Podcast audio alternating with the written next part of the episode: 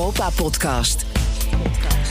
Buongiorno. Buongiorno. Aflevering 5 van de Europa-podcast. Dat is waar je naar luistert. Mijn naam is Geert-Jan Haan en naast mij niemand minder dan BNR's Eurocommissaris... of moet ik voor deze aflevering zeggen machinist? De conducteur. De Ja, want Stefan de Vries. Onze Europa-podcast deze week staat helemaal in het teken van treinreizen.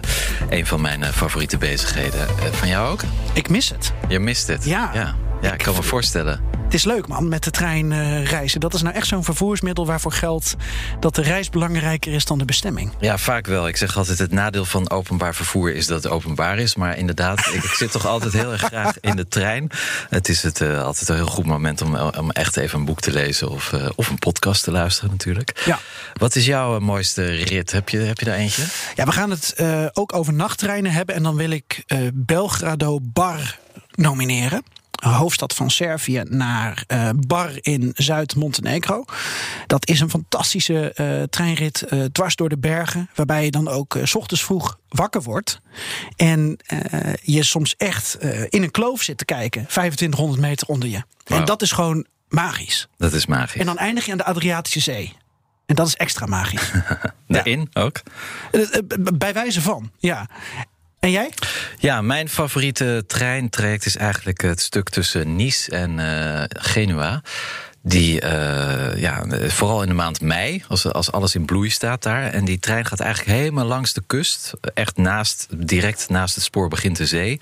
Eh, langs de Zuid-Franse kust en dan, de- dan de Italiaanse kust. Eh, volgens mij is het de Costa di Fiori, ik weet het niet zeker. De En die gaat de hele tijd daar zo langs. Je Bijna ziet de hele, tijd, de tijd zie je de zee. Ja, nou, de Mediterranee, de, de Middellandse Zee. Dus het is echt een prachtige treinrit. Vooral in het voorjaar. Ja, het is echt eh, een van mijn droomritten.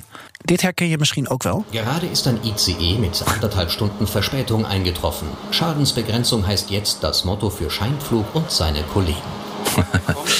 Der kommt nicht mehr. Daar komt niet meer. Verspätung. Ja, verspätung. Ja, dat is dan weer wat mensen een ergernis noemen aan de trein. Bijvoorbeeld veel in Duitsland. Ja, is- zijn er veel vertragingen in Er zijn Duitsland? wel regelmatig vertragingen. Ja, zou kunnen. Ja, het valt mij in ieder geval op dat eh, de NS echt super punctlich is. Ik reis natuurlijk heel veel door Europa. Ik weet dat mensen ook heel veel klagen over de NS. En over de Nederlandse eh spoor eh, in het algemeen. Maar ja, de stations hier, je kan van de vloer eten. De trein is echt super op tijd. Er zijn er heel veel. Eh, dus eigenlijk, ja, ik, ik kom ook regelmatig in Japan. En de NS, ja, dus, dus dat is het echte treinwalhalla. Nergens gaan treinen rijden beter op dan in Japan. Daar hebben we Momonaku. De volgende trein. ja, dit vind ik geweldig. Maar goed, de NS is, is bijna, eh, staat echt wel eh, dicht bij de Japanse spoorweg. Je zou het niet zeggen als je de Nederlanders hoort, maar toch. Een pluimpje voor, de, voor het spoor in Nederland. Het tweede deel van deze podcast gaan we het over treinreizen door Europa hebben met Wim van den Kamp en met Elmer van Buren. Hoe werd dat net gezegd in het Japans? Momonaku? Momonaku, eh, Ja. dat betekent zo direct, zo Ja, meteen. precies. Ja, ja, nou, wat gaan we het komende uur doen? We hebben natuurlijk het laatste vaccinatienieuws eh, voor jullie. En ja, opnieuw niet om vrolijk eh, van te worden. AstraZeneca is geen AstraZeneca geworden. En de Slovaakse Sputnik-soap, daar moeten we het echt over hebben, Stefan. Zeker met het oog op mogelijke goedkeuring door de EMA. Ja, inderdaad. En overigens is eh, corona wel een verrijking voor onze vocabulaire. Eh, de Fransen hebben sinds deze week ook het woord vaccinodrome. Mooi woord. Ja, dat, Ook een mooi idee. Ja, nou ja, het is meer eh, een, een, eh, een media, een, een gebbetje zou ik zeggen. Want het betekent eigenlijk een, eh, een. Ja, je hebt de velodroom, hè, dat is een grote wielerhal. Nou, dit is dan een grote hal waar je je kunt laten vaccineren. Want ook de Fransen lopen behoorlijk achter. En doen er ook van alles aan om. De regering doet er van alles aan om te laten zien dat ze toch hard werken. Dus Vaccinodroom, onder andere het Stade de France, het beroemde stadion ten noorden van Parijs. eh, daar kun je nu ook laten vaccineren. Bon, ja. Wat nog meer? Wat heb je nog meer gezien deze week? Ja, we hebben aandacht voor onze buitengrenzen. De EU is deze week druk in de weer geweest met eh, Libië, Oekraïne en ook eh, Turkije. En vooral Turkije. Eh, want daarvan is ons Sofagate bijgebleven. Een nieuw schandaal. Eh, een muzikale stoelendans, zou je bijna willen En weer een nieuw woord, Sofagate. Sofagate, ja, het- ik vind het altijd mooi eh, hoe, hoe- politici, diplomaten toch altijd nog een beetje creatief blijken. Al blijkt dat niet altijd uit hun werk. werk, maar wel uit hun taalkundige fondsen. Ja, Sofagate. We blikken nog even kort terug op de verkiezingen in Bulgarije. Heeft Volt nou wel of niet een zetel in het Bulgaarse parlement bemachtigd? En dan nog even voor de helderheid voor de vaste luisteraars. Twee items die ik vorige week lichtjes heb aangekondigd, die schuiven we toch nog even met jullie permissie door. Ik was benieuwd hoe het zou vergaan met Portugal, voorzitter van de Europese Unie. En ook hoe het buitenland eigenlijk kijkt naar de formatie in Nederland. Maar ja, eh, Europa is een groot continent, Stefan. Er is veel nieuws. Dus, uh, en we willen ruim baan bieden aan de trein. Zeker. En, en er is natuurlijk ook geen formatie. Dus ja, het buitenland kan kijken wat het wil. Maar er valt niet te veel te zien. De, de verkenning. maar we gaan met de trein met twee gasten maar liefst. Uh, we praten met Wim van den Kamp en Elmer van Buren. Uh, twee mooie gasten. Wim van den Kamp kennen de luisteraars waarschijnlijk nog als oud-Europarlementariër voor het CDA. Dat ja. was hij tien jaar. zat in de EVP in het Europese parlement. En hij is nu namens Nederland de nieuwe Europese treingezant. Ik wist niet eens dat het bestond. Uh, maar het klinkt wel mooi. Ik, volgens mij ben ik best wel een beetje jaloers op zijn functie. Uh, maar goed, daar legt Wim van den Kamp zo dadelijk alles over uit. En ook wat hij dan precies doet in die treinen. En Elmer van Buren, dat is de initiatiefnemer van European Sleeper. Um, het is hem gelukt om een nachttrein door Europa te laten rijden. Althans, hij rijdt nog niet, maar dat gaat volgend jaar gebeuren. En de bestemming is ook onthuld. En het wordt een nachttrein van Amsterdam, Brussel, Berlijn, Dresden naar Praag. Ook een hele mooie route, volgens mij. Ja, maar je slaapt dus wel grotendeels tijdens die route. Ja, nou, dit, terzij er een bar is. Ik ben wel eens van Parijs naar Madrid gegaan met, met een nachttrein. Daar zat een echte bar in met een barman en een tap. Nou, ik heb de hele nacht aan die bar gehangen. Het was een fantastische reis. Maar Oost-Duitsland is overdag al niet zo mooi. Hoe is het s'nachts dan?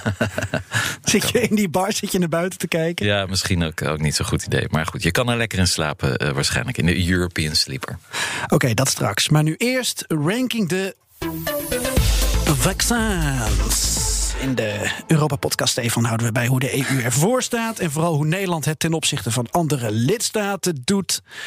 Kom ja. maar in. Nou ja, ik kan er weer uh, niets moois van maken. We bungelen nog steeds onderaan. Kroatië en Letland uh, doen het iets slechter dan wij. Maar van welke kant je het ook bekijkt, welke grafiek je er ook op loslaat, Nederland doet het gewoon heel erg slecht. We staan nu uh, vrijdag op ongeveer 12% van de Nederlandse bevolking die op één prik, minimaal één prik heeft gehad. Het Europese gemiddelde is 14 procent. Nou, dat, dat ontloopt elkaar niet zoveel, zou je zeggen. Um, als je kijkt naar het aantal volledig gevaccineerde mensen, dan staat Nederland met 4% echt bijna helemaal onderaan. Dus dat zijn mensen die twee prikken hebben gekregen. Um, Hongarije die staat op, op 25%, Malta ja, Maar die spuiten ook alles erin, hè? Die spuiten alles erin. Dus het is ook wel een beetje vervelend dat het EU-gemiddelde door, door wat ze daar doen zo omhoog gekrikt wordt. Ja, maar je ziet toch ook de ons omringende landen, uh, die doen het toch wel wat sneller en wat efficiënter. En bijvoorbeeld ook, uh, kijk, Frankrijk is ook niet veel beter dan Nederland. Maar in ieder geval kun je daar wel nu geprikt worden door, huisar door uh, tandartsen, door dierenartsen, door vroedvrouwen, um, in, in apotheken. Uh, en daar is ook een app gelanceerd. Voet, vroed, vroedvrouwen? mogen prikken, ja, absoluut in Frankrijk. Dus okay. uh, verloskundigen.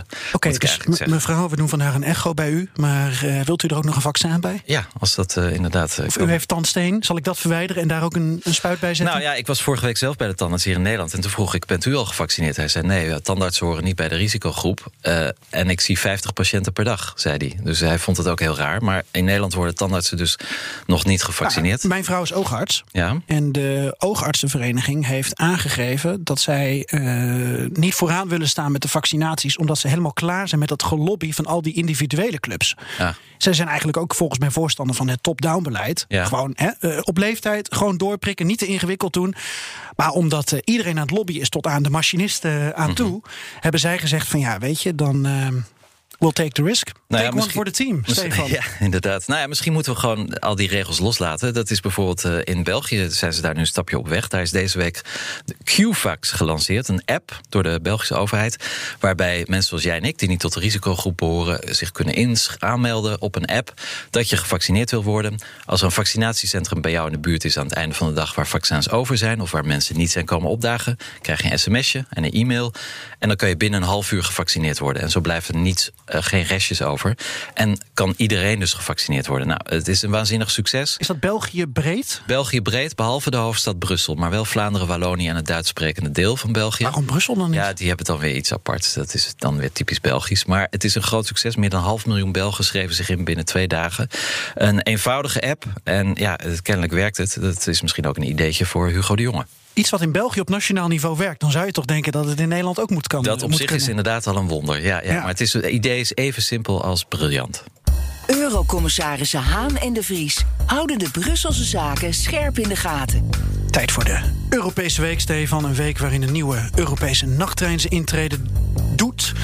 Von der Leyen te kakken werd gezet door Erdogan. Waarin Bulgarije chocola van een verkiezingsuitslag probeert te maken. Een week waarin de Europese Commissie de Franse staatssteun van 4 miljard euro aan Air France goedkeurde. En een week waarin het boek De Slag om Europa werd gepresenteerd.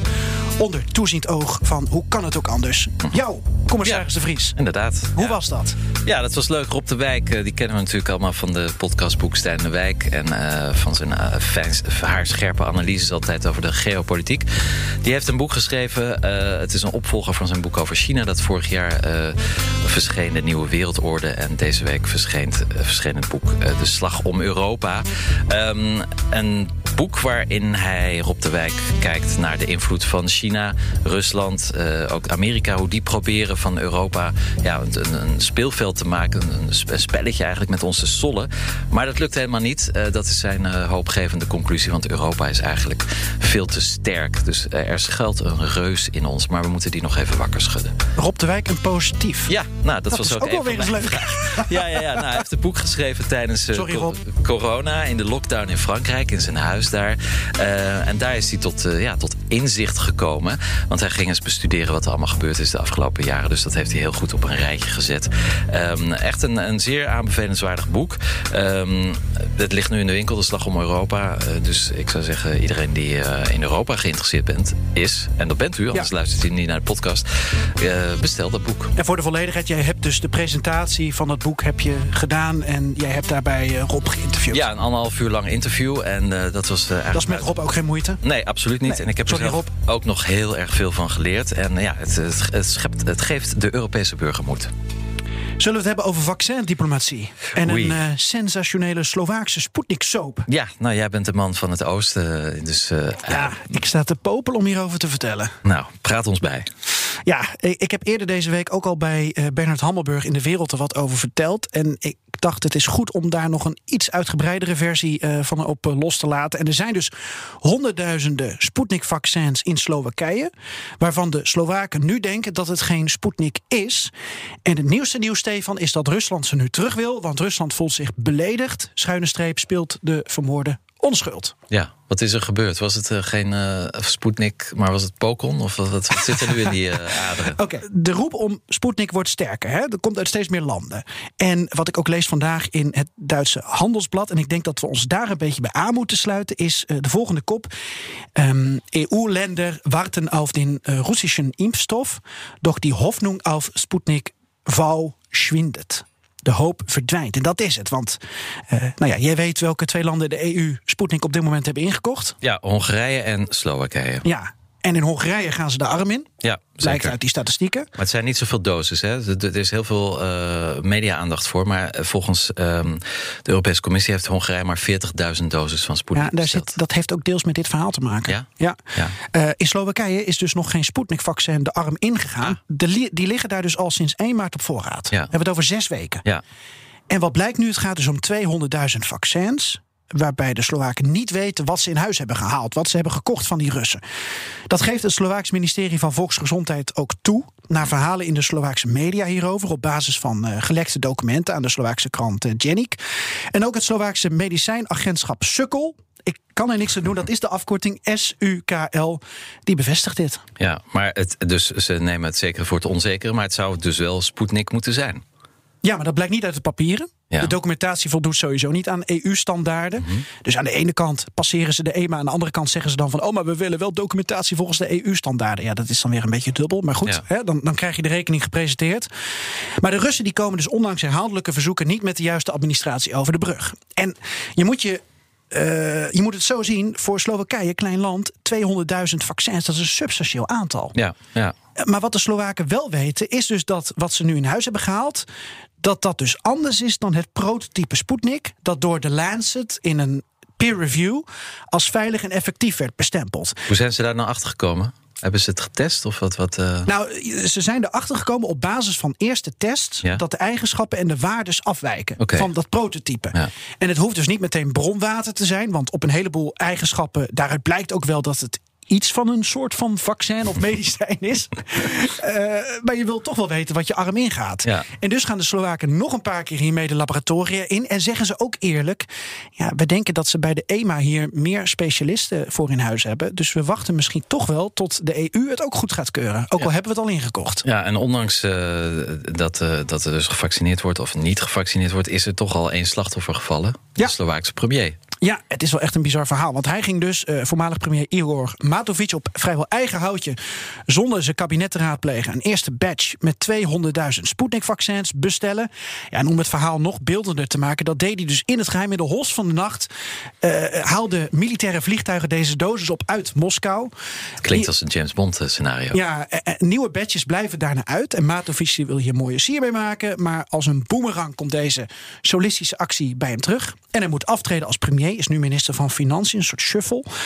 En nu dus het verhaal van dat deze Sputnik-vaccins niet zijn wat ze dachten dat ze zouden zijn. eh, documentatie die niet eh, eh, voldoet. Ja, het, het kwaad is geschied. Kabinetscrisis, doses op de plank. En een bevolking die inmiddels meer vertrouwen heeft in Sputnik dan in AstraZeneca. Ja, ja, maar dat is niet zo verwonderlijk, want AstraZeneca heeft natuurlijk heel veel. Ah, het tromboseverhaal speelt daar nog niet een enorme rol. Nee, oké. Nou, Je had het al over het Europees Medicijnenagentschap. Ja. Ehm, die eh, zijn eh, Sputnik eh, nu aan het ja, bestuderen. Dat, dat duurt al een tijdje. Ja, Ja. Wat? Analisten zeggen dat het niet alleen aan de EMA ligt en aan hoe grondig die procedure is, maar dat het ook aan de Russen ligt.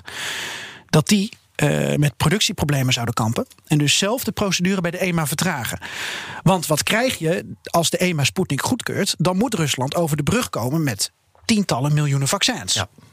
En het Kremlin wil ook om die reden zoveel mogelijk deals sluiten met landen die dan ook de licentie kopen om Sputnik in hun land te produceren, zodat die productie kan worden opgeschaald. En ja, Stefan, daar wringt ook de schoen, want de discussie gaat niet zozeer over of Sputnik aan zich een veilig of werkend vaccin is, maar krijg je geleverd wat je is beloofd. En waarom zijn alle randzaken, zoals de derde klinische fase heet dat geloof ik, de documentatie, de productieproblemen, waarom spelen de Russen over al die randzaken zo'n schimmig spel? En inmiddels, dan zijn we bij Hongarije, is het daar een publiek geheim dat de regering van Orbán meer vertrouwen heeft in de Chinese Sinopharm, heeft hij ook zelf in zijn arm laten zetten, dan is Sputnik. Ja, dus dan zou je kunnen zeggen dat het, eh, de softe diplomatie waarmee Rusland een voetje aan de grond hoopte te krijgen in Europa met eh, Sputnik, dat het eigenlijk niet helemaal lukt. Als je kijkt naar de belangstelling, dan wel. Want eh, de Duitse deelstaat Beieren deze week tekent een voorcontract met Moskou. 2,5 miljoen doses gaan naar Beieren zodra de EMA goedkeuring geeft. En dat is voor Poetin wel echt een succes. Want die zit al vanaf begin januari bij Merkel daar op de deur te kloppen in Berlijn. Zo van, hallo, wij hebben Sputnik, wil je? En eh, als een marskramer is hij nu naar, naar Söder gegaan. En daar krijgt hij dus wat hij wil. En we zien ook andere flirts. We zien Oostenrijk, we zien eh, autonome regio's in Spanje, Italië, een clash in Griekenland. Iedereen ehm, is geïnteresseerd op zijn minst. Dat is wel interessant, even tussen haakjes. eh, dat eh, eerst gingen we allemaal samen medicijnen bestellen, vaccins. Toen eh, zag je al dat landen een beetje op hun eigen houtje aan de slag gingen. En nu zijn er dus ook deelstaten die zeggen tegen de nationale regering: laat het maar, we doen het wel. Dus het is een enorme versnippering. Misschien dat Friesland straks als enige AstraZeneca gaat zetten. Ja, maar dan wel groot Friesland, hè? van eh, Noord-Holland-Noord tot aan, aan, aan Zuid-Denemarken. Ja, ja het, het, is, het is voor mij niet meer te volgen. Nee, en, en voor de Russen is dat nog te volgen? Hoe reageren zij op die berichten? Nou, eh, Sputnik zelf heeft tegenwoordig een Twitter-account. Ja. En eh Sputnik V noemde op Twitter alle berichtgeving woensdag al misleidend. Gesteund door de officiële instanties natuurlijk. En dat werd donderdag nog een tandje scherper. Want als door een hond gebeten heeft het eh, staatsinvesteringsfonds nu de Slovaakse regering een brief gestuurd. om de vaccins terug te eisen wegens contractbreuk. Want dan kunnen andere landen er gebruik van maken, zeggen ze ook nog als. Ja, Eh, Ja. eh, hoe zeg je dat? Eh, om mooi weer te spelen, om eh, een gulle gever naar de buitenwereld toe te zijn. Ja, nogmaals, die, die tussentijdse conclusie van de Lancet, die geloof ik wel. Sputnik zal echt wel een veelbelovend, veilig en effectief vaccin zijn. Maar zit in die 1000 liter tanks altijd een vloeistof 100% gebaseerd op het prototype? Of is het een afgeleide ervan? En accepteren we dat, Stefan? Dat is vooral de vraag die Europa nu meer en meer krijgt voorgelegd. Ja, wanneer weten we meer? Duur nog wel even. De EMA gaat komend week onderzoek doen naar of de klinische trials van Sputnik wel voldoen aan ethische en wetenschappelijke standaarden. Heeft ook nog de Financial Times deze week gemeld en uitgezocht. Want wat weten zij en wat weet Reuters? Dat er testpersonen zouden zijn. Dus dan heb je het over Russische soldaten en ambtenaren. die in het Russische staatslaboratorium onder druk zijn gezet. om eh, ja, te zeggen van oh, Sputnik bevalt wel. En resumerend, ik zei dat ook al bij Her- eh, Bernard Hammelburg deze week. Ooit was er discussie over of je liever een raket in je tuin had dan een Rus in de keuken. En de vraag is nu vooral: als je Russen in huis haalt, krijg je dan wel een echte Rus in je arm? Ja, dat is iets waar de Slowaken, maar ook de EMA zich hopelijk eh, spoedig over zal buigen. Nou, dat eh, houden we dan scherp in de gaten. Eh, gaan we van Sputnik Stoop naar de Sofagate. Avec plezier, heel veel plezier. Ja. Ja, ja, nou, dit had een week moeten zijn waarin veel aandacht zou geweest zijn voor de grenzen van Europa, de buitengrenzen wel te verstaan. Libië, Oekraïne en ook Turkije. Daar was hoog overleg over geweest, eh, in Turkije. Maar uiteindelijk ging het uiteindelijk maar over één ding: de stoel. Three political leaders walk into a room, but there are only two chairs. Um, no punchline here, but certainly a punchy, although perhaps unintentional, message. The European. Commission's first female president was forced to sit on the sidelines as her male Ja, counterpart in the dat was een eh, grote vernedering eigenlijk voor, eh, voor ons, Europeanen. Het komt natuurlijk ook omdat we heel veel verschillende presidenten hebben. Europese Commissie, Europese Raad. Nou, wat is er gebeurd? Ehm eh, von der Leyen, Ursula von der Leyen van de Europese Commissie... en Charles Michel van de Raad van de EU-regeringsleiders... die hadden een afspraak met Erdogan. In de ruimte stonden twee stoelen klaar, naast elkaar... in het midden van de ruimte. Erdogan ging zitten, Michel ook. En ja, von der Leyen kon niets anders doen dan op de bank te gaan zitten als een soort reservespeler eh, tegenover de Turkse buitenlandsminister. Ehm, en ja, dat was volgens de EU ongepast. Eh, ze had als gelijke behandeld moeten worden, Ursula von der Leyen, en had dus haar eigen stoel eh, moeten krijgen, dus een kleinering. Ehm, ja, daar, daar zijn we dus behoorlijk boos over. Ik vond het zelf ook wel opmerkelijk dat Charles Michel niet zijn stoel afstond. Ehm, maar goed, het is een protocolair, eh, protocolaire blunder. En wat interessant is, is dat eh, je denkt dat het allemaal automatisch gaat of vanzelf, of misschien is het een ongelukje. Maar bij dit soort bezoeken op heel hoog niveau heb je eh, mannetjes, het zijn meestal mannetjes, die zich bezighouden met het protocol. Zeker in Turkije zijn dat Zeker, mannetjes. ja, maar ook van de Europese Commissie en, en Den Haag heeft het ook. En die overleggen al ver van tevoren met elkaar. Wat zijn de regels? Waar staan de stoelen? Hoe, hoe zit het met de foto's? Dus dit is allemaal gepland. En ja, dat, ik kan me niet voorstellen dat Erdogan expres een stoel heeft weggehaald. Maar dat we even hebben ja, toch zitten te slapen toen het eh, plan werd opgesteld om in deze ruimte te gaan zitten. Maar in ieder geval, eh, wij zijn boos, wij de Europeanen. Toch even luisteren naar een reactie van Sophie in het veld. Ja, bij, eh, bij Sky News. Europarlementariër. Eh, gaat ook hierover namelijk. what struck everybody immediately is there are two seats and then two guys they just sit down and they leave her standing there. Uh, that was just amazing. You know it's 2021 most of the world still has an issue with women in power. Maar jij zegt dus dat is niet helemaal zo bedoeld. Nou, om, ja, die vrouw ik- daar te laten staan. Ik, ik, het, het komt ze natuurlijk niet slecht uit, want eh, ja, dat, helaas. Ehm, maar goed, Turkije eh, verdedigt zich ook door te zeggen dat het de opstelling van de stoelen in overeenstemming was met de suggestie van de Europese Unie. En dat inderdaad het juiste pro- protocol is gevolgd. Dus ja, het is een beetje van eh, wel eens niet eens. Maar in ieder geval was het geen goede beurt voor, voor Europa. en, eigenlijk ook niet voor Turkije. En het ging eigenlijk alleen maar hierover en niet over de reden waarom we overlegden met Turkije. Wat staat er op de agenda? Ja, Stefan, in Brussel zijn ze klaar met paaseieren. Zoeken naar een reces van twee weken. Wat ga jij eh, in de gaten houden de komende tijd? Nou, een van de dingen die eh, denk ik toch wel spannend zijn, is, eh, zijn de onrusten in Noord-Ierland. Eh, dat is toch echt wel een probleem aan het worden. Noord-Ierland, ja, het is nog een soort van onderdeel van de Europese Unie, maar het is natuurlijk ook het Verenigd Koninkrijk. De Ieren, Noord-Ieren zijn boos dat er een grens is, dus er zijn spanningen, rellen. Deze week is ook een rode dubbeldekkerbus in vlammen opgegaan. En dat duidt erop dat, ja, dat de spanningen na Brexit toch wel wat serieuzer zijn dan we misschien hadden verwacht. Ehm, dus dat is iets wat de Europeanen zeker in de gaten moeten houden. En dan is er natuurlijk ook nog, ja, het, het blijft maar doorsudderen. Hoe kunnen we sneller gaan vaccineren?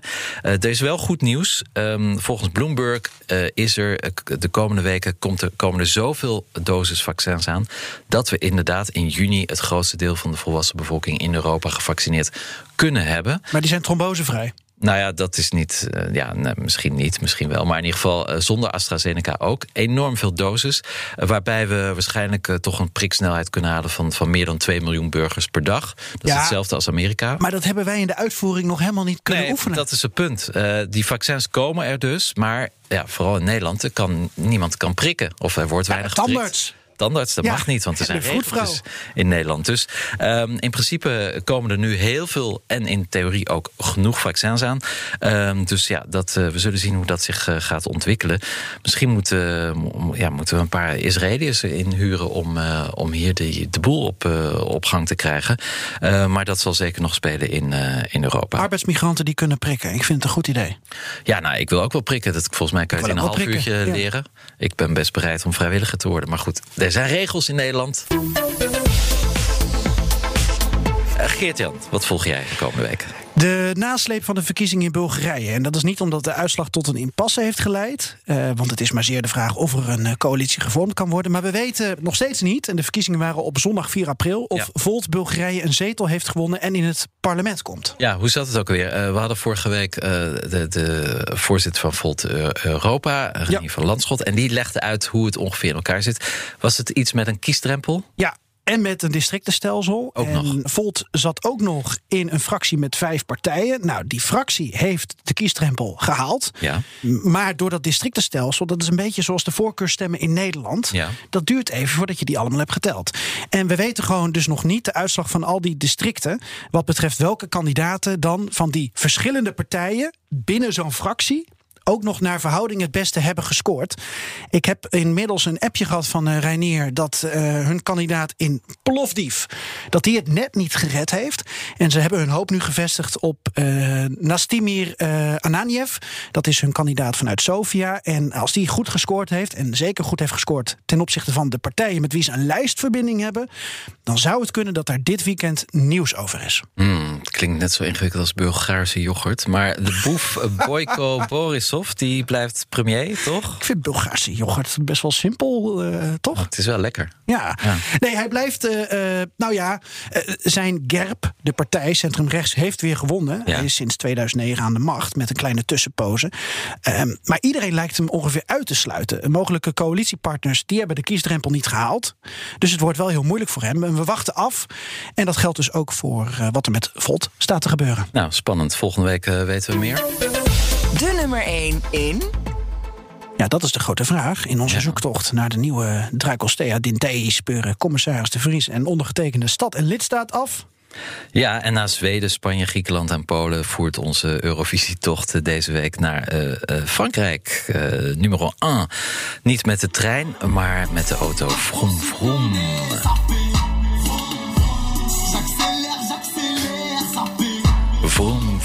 Ja, vroeger luisterden de Fransen naar mooie chansons van Charles Aznavour of Yves Montand. En nu moeten ze het doen met de Mohaka. Arme Fransen, ze hebben het al zo lastig. Dat is de artiest, hè? Moha. Mohaka, ja. ja uh, nummer 1 dus uh, deze week bij onze zuidenburen. On sortira demain au début d'après. J'ai besoin de vacances après l'après. J'ai besoin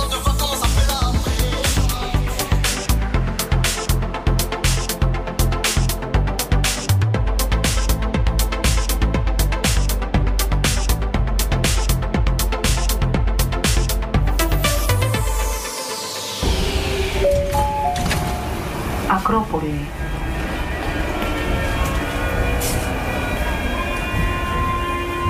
Stefan, het geluid van de trein. Ja, in Athene is dit. Dit is uh, bij de Acropolis? Ja, precies, ja. ja. Het voelt zo ver weg en het voelt zo onmogelijk om daar nu te zijn. Ja, inderdaad. En ook gewoon even een trein te pakken en een weekend ergens naartoe te gaan. Of uh, ja, je, je te vervoeren in, in welke Europese stad dan ook. Het is wel een gemis, vind ik hoor. Wat we wel kunnen doen is het erover hebben. Ja, laten we dat doen met uh, Wim van den Kamp. Goedendag. Uh, U bent aan de lijn, oud uh, Europarlementariër. En nu bent u sinds een maand de Nederlandse ambassadeur voor het Europese jaar van het spoor. En we hebben ook Elmer van Buren. Die is hier in de studio, uh, initiatiefnemer van de European Sleeper. Laten we beginnen met uh, Wim van den Kamp. Ja, u bent, uh, ik weet dat u een treinengek bent, want ik kwam u regelmatig tegen in de trein van ofwel Parijs naar Brussel of van Parijs naar Straatsburg, naar het Europees Parlement. Dus het is meer dan alleen maar een politieke titel. u bent nu onze treingezant. Um, Tien jaar lang was u Europarlementariër heen en weer in de trein tussen Nederland, België en Frankrijk. En nu bent u dus ons nieuwe boegbeeld, onze Europese treintijger. Wat, wat houdt het precies in? Nou, ik ben primair ingehuurd om inderdaad internationaal personenvervoer uh, te stimuleren. En daarnaast ook het internationaal goederenvervoer. En ik ben een echte ambassadeur. Dat betekent dat ik uh, promoot om met de trein te reizen en meer goederen van de weg naar de trein uh, te brengen. Dat is mijn hoofdtaak. Uh, daarnaast zal ik kijken welke knelpunten en uitdagingen ik het komend jaar uh, tegenkom. En die zal ik verwerken in een keurig verslag. Zowel voor het Nederlandse ministerie van Infrastructuur en Waterstaat als voor de Europese Commissie. Ja, dat is een boeiend. Dus u gaat veel in de trein zitten ook toch de komende, komend jaar? Ja, dat is natuurlijk wel de bedoeling. Maar uh, we weten allemaal dat corona op dit moment uh, het hele treinverkeer uh, hindert. Ja. En de eerste maand van mijn nieuwe job is toch vooral digitaal. Maar wij hopen zeker in de tweede helft van dit jaar en eventueel uitlopend naar de eerste maanden van 2022 toch wel fysiek ook de nodige reizen te maken. Zeker. Ja. ja. Heel veel railway kijken, meneer Van der Kamp. Ja, maar je hebt rustgevende programma's en heel rustgevende programma's. Dus, uh, en ik, ja, ik ben nogal een, uh, een gehaaste type, wil ik niet zeggen. Nee, maar het is, het, is een, het is een prachtig programma. En als je kijkt wat er allemaal kan in, het, uh, in Europa, dan uh, ja, geeft dat programma natuurlijk wel een mooi beeld. Gaan we toch even naar slow uh, traveling, meneer Van der Kamp. Want Elme van Buren is hier in de studio, initiatiefnemer van European Sleeper. De eerste ja, Europese nachttrein, mag ik het zo noemen? In ieder geval het eerste bedrijf wat gewoon in ieder land van Europa wel een nachttrein wil laten rijden als het even kan in de toekomst. Ja. Um, dus ja, dat kun je zeggen. De, de, de, de, eerste maatschappij die, die jij en Chris Engelsman hebben opgericht. Een beetje een uit de hand gelopen grap, geloof ik. Nou, het is niet, het is niet echt een grap. Het is eigenlijk een droom. Uh, en dat is wel mooi met nachttreinen natuurlijk. Uh, dat past goed bij nachttreinen, dromen. En uh, het is al een droom die ik al twintig jaar heb. Um, en het is wel een enorm project. maar we zijn het gewoon begonnen. We kwamen tot de conclusie dat het moet gebeuren nu. En ja, toen zijn we gestart. We wisten niet waar we aan begonnen. Nee, we wisten deels waar we aan begonnen. Um, maar het is veel erger dan we dachten. Hoe doe je dat? hoe doe je dat, een treinmaatschappij oprichten? Uh, dan ga je uh, naar een uh, adviseur op het gebied van coöperaties. Want wij zijn een coöperatie. Ja. En dan zeg je, ik wil een coöperatie oprichten. En dan gaat hij daarbij helpen. En dan, uh, dan kom je bij een notaris uit, dan wordt het opgericht. Uh, nou, en dan heb je een spoorwegmaatschappij. Dat zo makkelijk is het eigenlijk. Ja, maar dan moet je nog een uh, treintje hebben. Ja, daarna, daarna begint het pas ja. natuurlijk. dus ja, we zijn eigenlijk gewoon erin gedoken op die manier. we hebben natuurlijk heel veel netwerk, heel veel kennis van deze materie. Hè, dus het is niet zo dat we onvoorbereid begonnen zijn. Uh, en dan meld je je aan bij de infrabeheerders en dan meld je je aan bij, uh, bij de ACM en dan meld je je aan bij allerlei clubs die iets, waar je iets mee moet. De ACM, wat is dat? De Autoriteit Consumentenmarkt. Ja. Uh, dus dat is degene die gaat over uh, onze marktwerking. Ja. Uh, dat heb je in ieder land. En je moet dus ook in ieder land moet je dus ook aanmelden. hoi, ik wil een passagiersdienst starten. en mag dat? En dat hebben jullie al gedaan? Dat hebben we gedaan, ja. En, en welke hobbels moeten nog genomen worden? Kun je al van start? Of hoe, hoe zit het? Hoe, en hoe kom je aan je treinmaterieel? Kan je dat huren? Moeten ja. we eerst nog even zeggen dat deze week dus is uh, bekendgemaakt door, door Elmer en European Sleeper dat, dat er een, een bestemming is. Ja, een bestemming, ja, inderdaad. En, en dat er dus een route is en dat ja. er dus een, een, een, trein is en dat er rails zijn die, die jullie project, uh, ja, waar jullie overheen mogen rijden. Ja, dat uh, klopt. Um, deze week hebben we bekendgemaakt de eerste route Brussel, Amsterdam, Berlijn, Praag. Mm -hmm. vanaf april 2022. En gegeven dat we vorig jaar uh, begonnen zijn, vorig jaar september, is dat toch wel heel vlot uh, van de grond gekomen. Dus dat is zeker. In, in april 2022 gaan jullie rijden? Niks is zeker, oh. uh, uiteraard. Maar ik denk toch wel voor 95 tot 99 procent. Ja, dan ja. die hobbels, hè? Ben jij zo benieuwd naar ben, ja, Stefan? Wat denk je? Wat denk je dat nog hobbels zijn? Um, nou, ik kan me voorstellen dat je, dat je een, een treinstel moet inrichten. Uh, hoe ga je dat ontwerpen? Uh, hoeveel, ja, uh, hoe ga je kaartjes verkopen? Want ook dat is een groot probleem in Europa. Kaart verkopen over de grens, dat soort dingen. Allerlei praktische zaken denk ik meteen aan. En waar kan ik reserveren voor die eerste treinrit? Ja, je hebt al redelijk wat dingen goed benoemd. dus het materieel Uh, het materieel is echt het, uh, een van de grootste uitdagingen. Ja. Dienstregeling is een enorme uitdaging om dat in alle verschillende landen gecoördineerd te krijgen. Dit zijn maar vier landen, maar dat is dan een hele puzzel. Mm -hmm. um, en dan heb je nog inderdaad, waar, hoe ga je de kaartjes verkopen? Met wie ga je allemaal samenwerken? Want je kunt met allerlei verschillende partijen samenwerken. Wij mogen zelf niet aan het verkeer deelnemen met, met de trein. Dus wij zijn geen spoorwegmaatschappij in die zin nog. Dat klinkt heel cryptisch. Ik mag ja. niet aan het verkeer deelnemen. Je kunt, je kunt als, je, uh, als je NS bent, dan mag je zelf. Heb je een trein en dan ga je gewoon. Dan heb je zelf een machinist en een conducteur en dan ga je rijden. Ja. Dat hebben wij niet. Dus wij moeten weer iemand anders inhuren die een trein heeft. Wij moeten iemand inhuren die mag rijden. En die ook een machinist en een conducteur heeft. Dus dat zijn de dingen die wij allemaal moeten regelen. Dus een soort chartermaatschappij word je dan eigenlijk? Of, of niet? In, feite, in feite zijn wij de organisator ja. en de commerciële verantwoordelijke voor die trein. Mm -hmm. En dan vervolgens zijn er anderen die dat voor ons gaan uitvoeren. En in de toekomst gaan wij zelf dat ook uitvoeren. Alleen ja. wij pakken dat stap voor stap aan. Mm -hmm. Dat betekent dat we dus nu treinen uh, zouden kunnen huren. Ja. Of we werken samen met iemand die dat, uh, die dat heeft al treinen. En die dat al deels ook in één land kan doen. En dat doen wij ook, want we werken met RegioJet uit Tsjechië samen. Okay. En daar ben je heel erg over te spreken, over die partner. Ik vind RegioChat, uh, ja, dat is uitstekend. Uh, uh, we, hebben, we werken heel graag met hun samen, omdat zij gewoon een. ja, zij zijn ook een commerciële vervoerder. Hè, zij, zij zijn geen staatsbedrijf. Um, en ze hebben dus toch wel echt een hele frisse blik op service en op, op dat soort dingen. Ja, hebben die ook al een, een nachtrijtuigen, slaaprijtuigen? Ja, die rijden al nachttreinen. Die rijden nu op dit moment rijden die nachttreinen vanuit Praag naar uh, Slowakije. Er komt binnenkort een trein naar Polen bij. En ze rijden in de zomer rijden ze ook naar Slovenië en Kroatië. Uh, dus die hebben al best netwerk in Centraal-Europa. Ja. Nu is het idee van jou, daar ben je al een tijd mee bezig, maar je hebt wel de wind mee. Um, of je zit op het goede spoor. Uh, want de Europese Commissie, laatste jaar, twee jaar, is ook ineens heel erg pro-treinen. En vooral ook het nachttreinenet. Dat is eigenlijk in heel Europa uitgekleed de laatste jaren. En nu uh, ziet Brussel ineens van ja, dat is toch wel een goed idee. Dus je hebt, het, het ja, je hebt het, de wind mee eigenlijk. Um, hoe, zie je dat? Gaat, gaat het goed, die steun? Heb je, heb je daar iets aan, aan, aan die uitspraken van de Europese Commissie? Um, ja en nee. Het, het, gaat, natuurlijk is dat heel goed, de, de ambitie die er is. En de, er is ook veel ambitie vanuit de Europese Commissie en ook vanuit het Europees Parlement om internationale treinen, om dat weer terug, uh, om dat meer te maken en ook de nachttrein weer terug te brengen. Um, wat we alleen zien in de praktijk is dat dat ook gewoon praktisch ondersteund moet worden.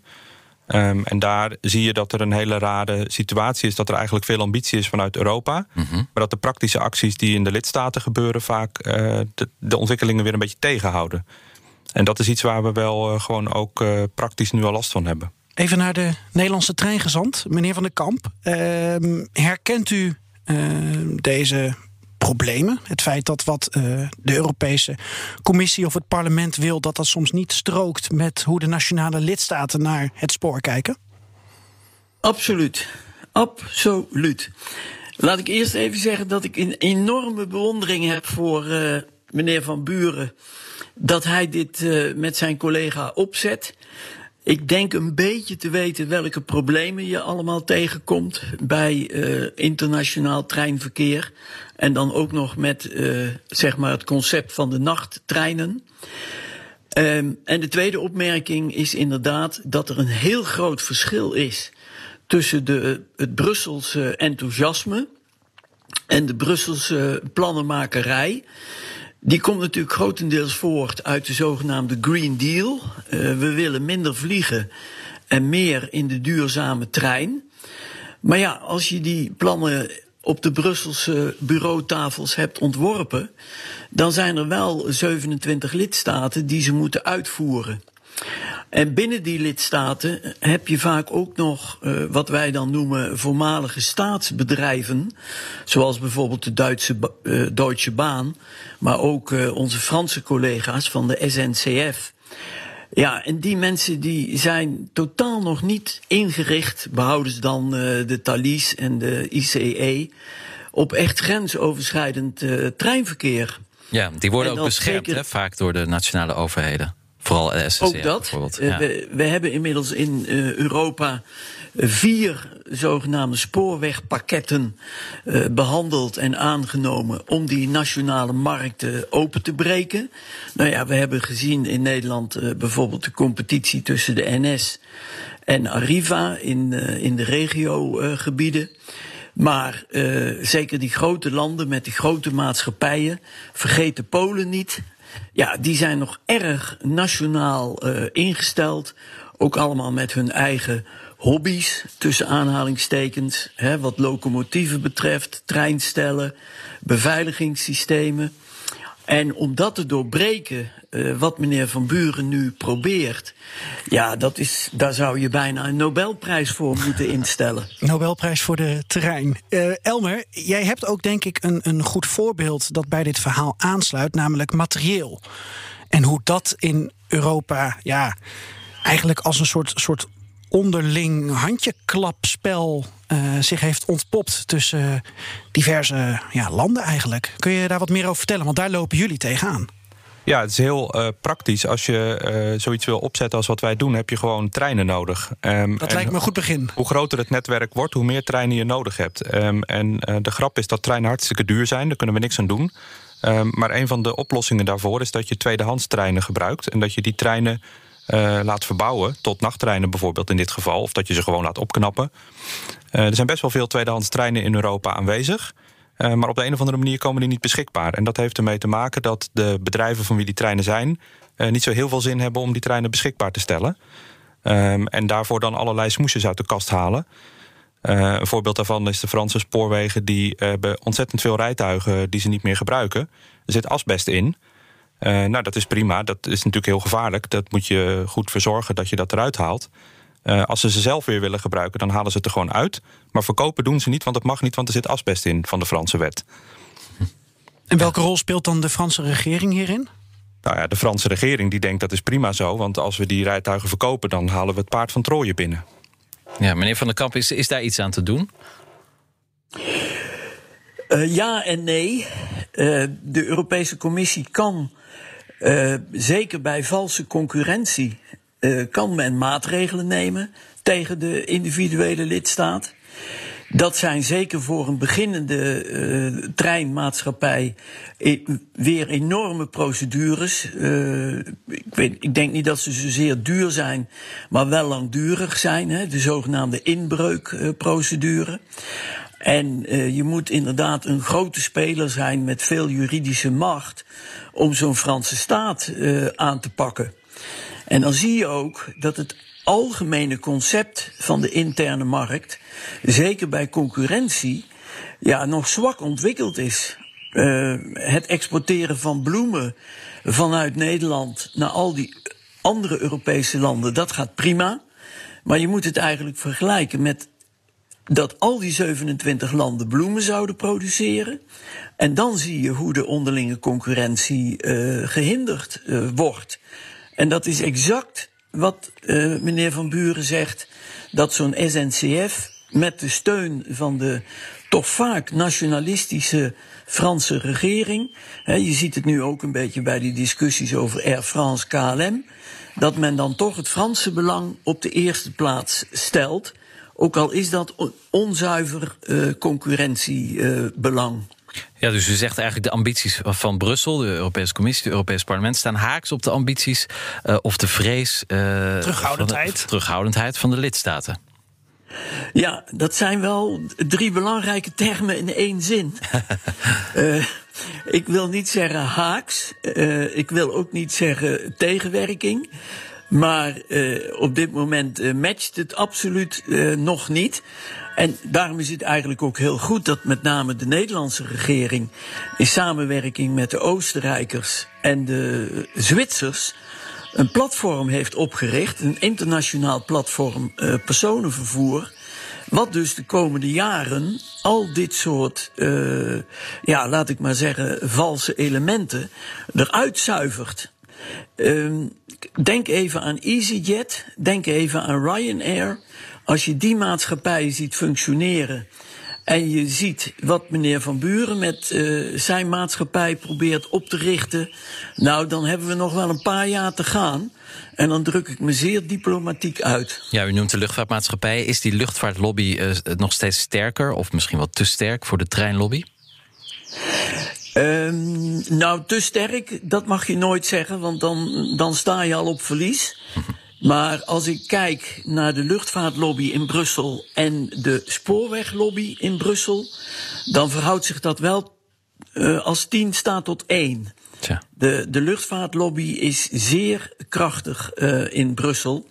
En ja, de spoorweglobby die, die hindert zichzelf natuurlijk ook een beetje, omdat die voormalige uh, staatsmaatschappijen, zeker bij grensoverschrijdend uh, verkeer, ook nog niet echt een front uh, vormen. Als je die verhalen hoort om de Thalys van Brussel naar Keulen te laten doorrijden. Ja. Nou, dan weet je wel dat dat enorme problemen heeft opgeleverd. Ja, inderdaad. Is het misschien een idee als uh, nationale uh, treinmaatschappijen zoals SNCF, NS en uh, Deutsche Bahn misschien fuseren? Of, of laten we beginnen klein houden in de Benelux, Duitse, de Nederlandse NS en de Belgische spoorwegen een fusie aangaan om, om een grotere slagkracht te krijgen? Of is dat totaal niet aan de orde? nee, ik wou bijna zeggen, als u weet hoe uh, het Belgische spoorwegwezen in elkaar zit. En dat laten fuseren met het Nederlandse spoorwegwezen. Dat is voor dit moment uh, zeker geen oplossing. Omdat dan al die cultuurverschillen, ook commerciële verschillen die gaan uh, elkaar tegenwerken. Dus ik ben veel meer voor de aanpak van uh, meneer Van Buren. Laten we het nou praktisch houden en kijken hoe ver we kunnen komen. Maar misschien is dit ook en, wel een mooi uh, moment om dat inderdaad aan Elmer van Buren te vragen. Want als de European Sleeper wel door al die verschillende landen gaat rijden, dus België, Nederland, Duitsland, Tsjechië, dan, dan kan het niet anders dan dat jij dus ook aanloopt tegen verschillende culturen en verschillende netwerken en uh, monopolisten die mogelijk jullie vakbonden last, uh, tot last zijn. En vakbonden, ja. Ja, we lopen, we lopen gewoon al heel praktisch. Uh, met dat we begonnen zijn, eigenlijk binnen twee dagen kwamen we meteen in alle dynamieken terecht die er zijn. Um, en die zijn inderdaad per land heel verschillend. dus ik zou zeker een fusie niet aan willen moedigen. maar ik zou wel willen aanmoedigen dat die verschillende landen en ook de spoorwegmaatschappijen gewoon accepteren dat concurrentie tegenwoordig mag. En um, dat is al elf jaar zo, hè, dus het is niet sinds gisteren. Nee. En, in België um, snappen ze dat nog niet helemaal. In Frankrijk ook niet. In nee. Nederland ook eigenlijk niet zo heel goed hoor, eerlijk okay. gezegd. Dus we kunnen wel zeggen die Fransen toch en die Duitsers toch. Maar in Nederland vinden we dat ook nog best wel heel moeilijk om uh, te snappen dat uh, een trein niet per se door NS geregeld hoeft te worden. En um, natuurlijk kan het wel door NS geregeld worden. En ik vind dat NS fantastisch regelt, treinen. maar het hoeft niet per se. En dat is gewoon de realiteit van de Europese markt. En die realiteit, die, uh, die moet nog wel indalen. Ja. Er zit ook iets hypocriets aan, hè? want uh, bijvoorbeeld de SNCF wil geen concurrentie in eigen land. De SNCF, de Franse spoorwegen. Maar het is de grootste treinmaatschappij ter wereld. Ze duiken overal op. Zelfs in Nederland rijden treinen van de SNCF... met uh, Keolis, geloof ik, en andere ondernemingen. De bussen, Connection, dat is gewoon de Franse spoorwegen. Um, dus uh, ze zijn heel erg bezig met concurrentie. Dat is een beetje een Chinese stijl. Ja, maar niet in eigen land, alsjeblieft, dankjewel. Maar vergis je niet, want ook de Nederlandse spoorwegen... die timmeren stevig aan de weg hè, in Groot-Brittannië ja. en in Duitsland. En die hebben enorme operaties daar. Die zijn uh, even groot of misschien wel groter dan in Nederland. Uh, dus wij doen daar ook vrolijk aan mee vanuit Nederland. Ja, maar in eigen huis ja. ligt het dan toch wat lastiger. Dat is wel grappig, hè? Dat je op een gegeven moment de marktopening vooral in het buitenland zoekt. En niet in je eigen, niet in je eigen land. Ja. Maar misschien is het ook wel verstandig om het even aan te vliegen via de andere kant. Uh, je ziet nu dat onze Nederlandse collega's Timmermans en Samson die Green Deal uh, willen promoten. Daarin speelt de trein een grote rol. En uh, ik heb de indruk dat als je die aanvlieg... Ja, dat is een beetje een raar woord in dit verband. Aantreint. Als je die aanvliegroute kiest, dat je verder komt dan alleen het benaderen via de klassieke spoorwegmaatschappijen. Ja, ik zei overigens dat de SNCF aandeelhouder is van Connection, maar het is de Caisse des de Franse uh, uh, belastingbetaler. Dus er zit ook Frans geld in. Maar de Fransen zijn dus inderdaad heel actief uh, in andere landen. Waar ik nog wel benieuwd naar ben, Stefan, ja. nu je het al hebt ook over de Fransen. Ja. en we hebben Deutsche Bahn genoemd, NS genoemd.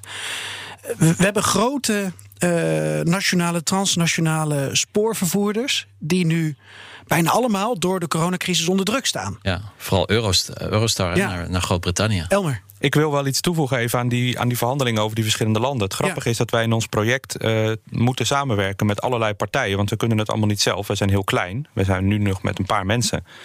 Um, en we werken dus samen met uh, een nieuwe toetreder uit Tsjechië, RegioJet. Maar we werken ook samen met de Belgische spoorwegen. Um, dat gaat hartstikke goed. Um, en ook de Belgische ministerie is hartstikke enthousiast over nachttreinen. Ze hebben daar een, een ambitieus regeerakkoord. Een hele ambitieuze minister. Er is veel enthousiasme.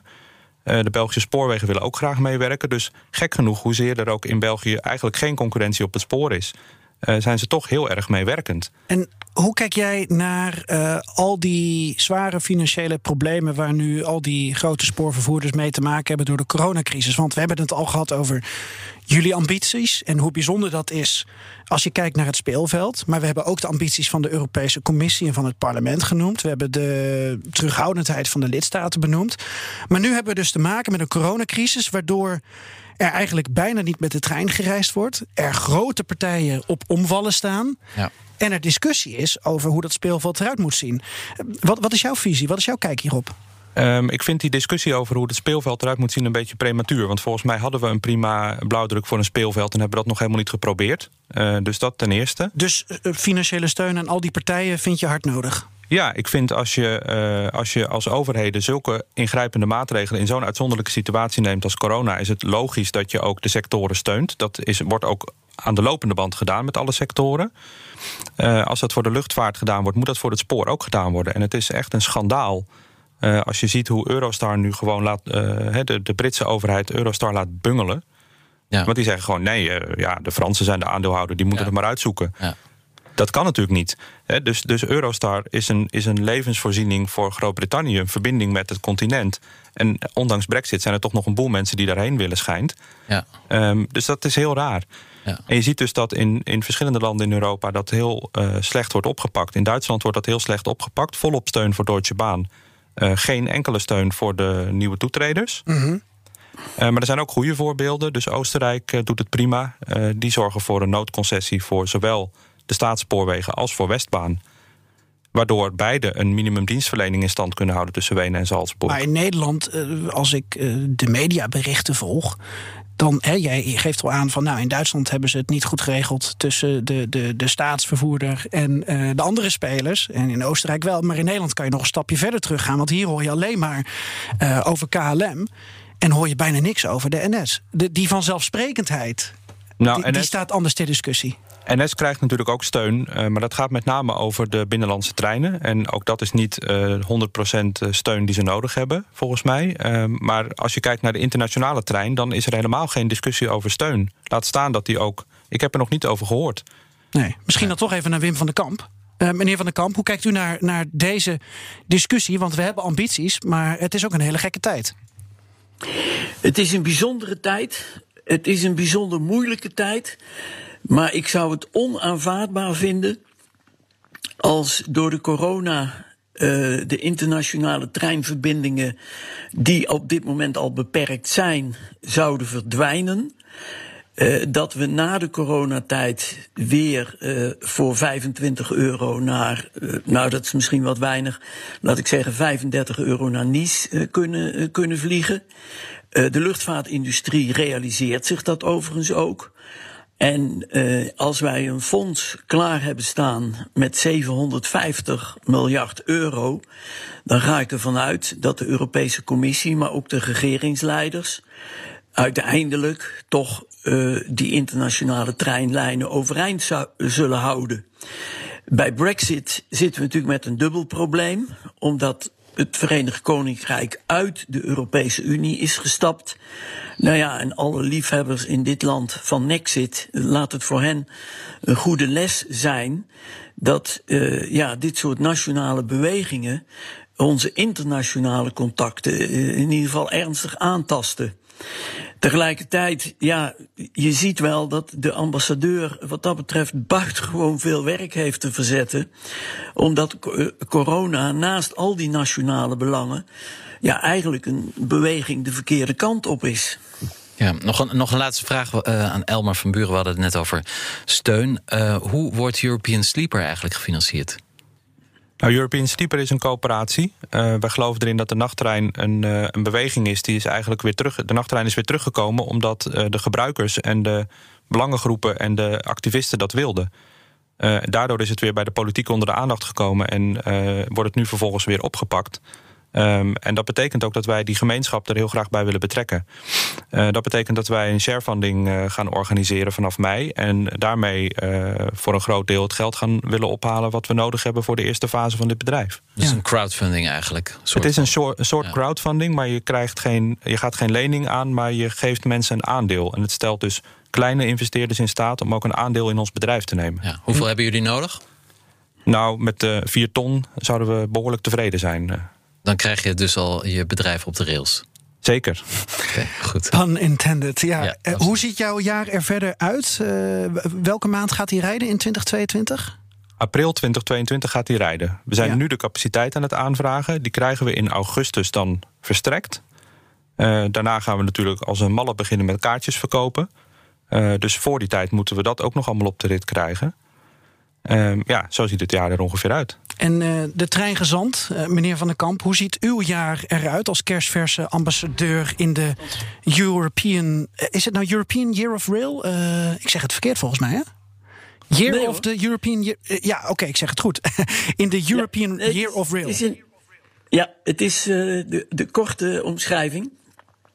Nee, laat ik eerst nog even tegen meneer Van Buren zeggen dat. Maar ik ga ervan uit dat hij dat wel doet dat je bij het ministerie van Economische Zaken, al of niet in samenspraak met de Europese Commissie, wellicht ook nog start-up subsidies uh, kan uh, verwerven. Zeker als het gaat om dat toch wel politiek uh, ja, goede onderwerp van de nachttreinen dat is toch nog wel een punt, denk ik, om misschien een keer uh, wat over door te praten. Ja, dan mijn jaar. Ja. Uh, mijn jaar, uh, ik zei het al in het begin, de eerste maanden is veel digitaal. Ik ga bij alle spelers op bezoek. van NS tot Arriva tot de stadsregio Amsterdam. Um, kijken wat zij gaan doen. We hebben een uh, fotowedstrijd. Nou ja, je weet, uh, uh, foto's van treinen, dat is een zeer geliefd onderwerp. Er is een jeugdprogramma, waarbij dus ook het vrij reizen, zoals dat vroeger met de tienertour ging, door Europa wordt gestimuleerd. En dan hoop ik inderdaad dat we vanaf september paar grote treinreizen kunnen maken. Bijvoorbeeld van Lissabon naar Ljubljana. Omdat de Slovenen per 1 uh, juli het voorzitterschap van de Europese uh, Raad overnemen. En er is het voornemen om in november met de Eurostar, een internationale treinverbinding, naar de milieuconferentie in Glasgow uh, te reizen. Uh, COP24. En dat allemaal ter stimulering van uh, het Europese jaar van de spoorwegen. En nogmaals, gekoppeld aan de zogenaamde Green Deal. Want ja, er zijn heel veel groene woorden in Europa. Maar groene daden, daar ontbreekt het nog wel eens aan. Dank jullie wel. Stefan, jij uh, hebt weer veel geleerd hè, over jouw favoriete hobby die je nu even niet kan uitvoeren. Ja, ik, ik sta te popelen om in die nachttrein te springen. Ik wil jullie nog één waarschuwing uh, meegeven, Elmer van Buren en Wim van den Kamp. Please mind the gap between the train and the platform. Bitte beachten Sie beim Aussteigen die Lücke zwischen Zug- und Bahnsteigkante. Wim van den Kamp, onze treingezant, uh, ambassadeur uh, namens Nederland voor het uh, Europese jaar van het spoor. Hartelijk dank. Veel succes de komende tijd. En ook dank uh, Elmer van Buren van uh, European Sleeper. Ook heel veel succes. En dat we in april 2022 maar lekker mogen slapen in jullie trein naar, uh, naar Praag. Ja, Graag gedaan. Dit was aflevering 5 van de Europa-podcast. Ik hoop eh, dat jij ook uh, veel hebt opgestoken, Geert-Jan. En onze luisteraars natuurlijk. Zeker. Um, Mind the Gap. Mind the Gap, inderdaad. en feedback. Ik cijfer met mijn mond vol tanden. Feedback kun je sturen naar dewereld.bnr.nl. Dat is ons e-mailadres. En wij zijn er uh, volgende week weer. Dankjewel. Op hetzelfde spoor.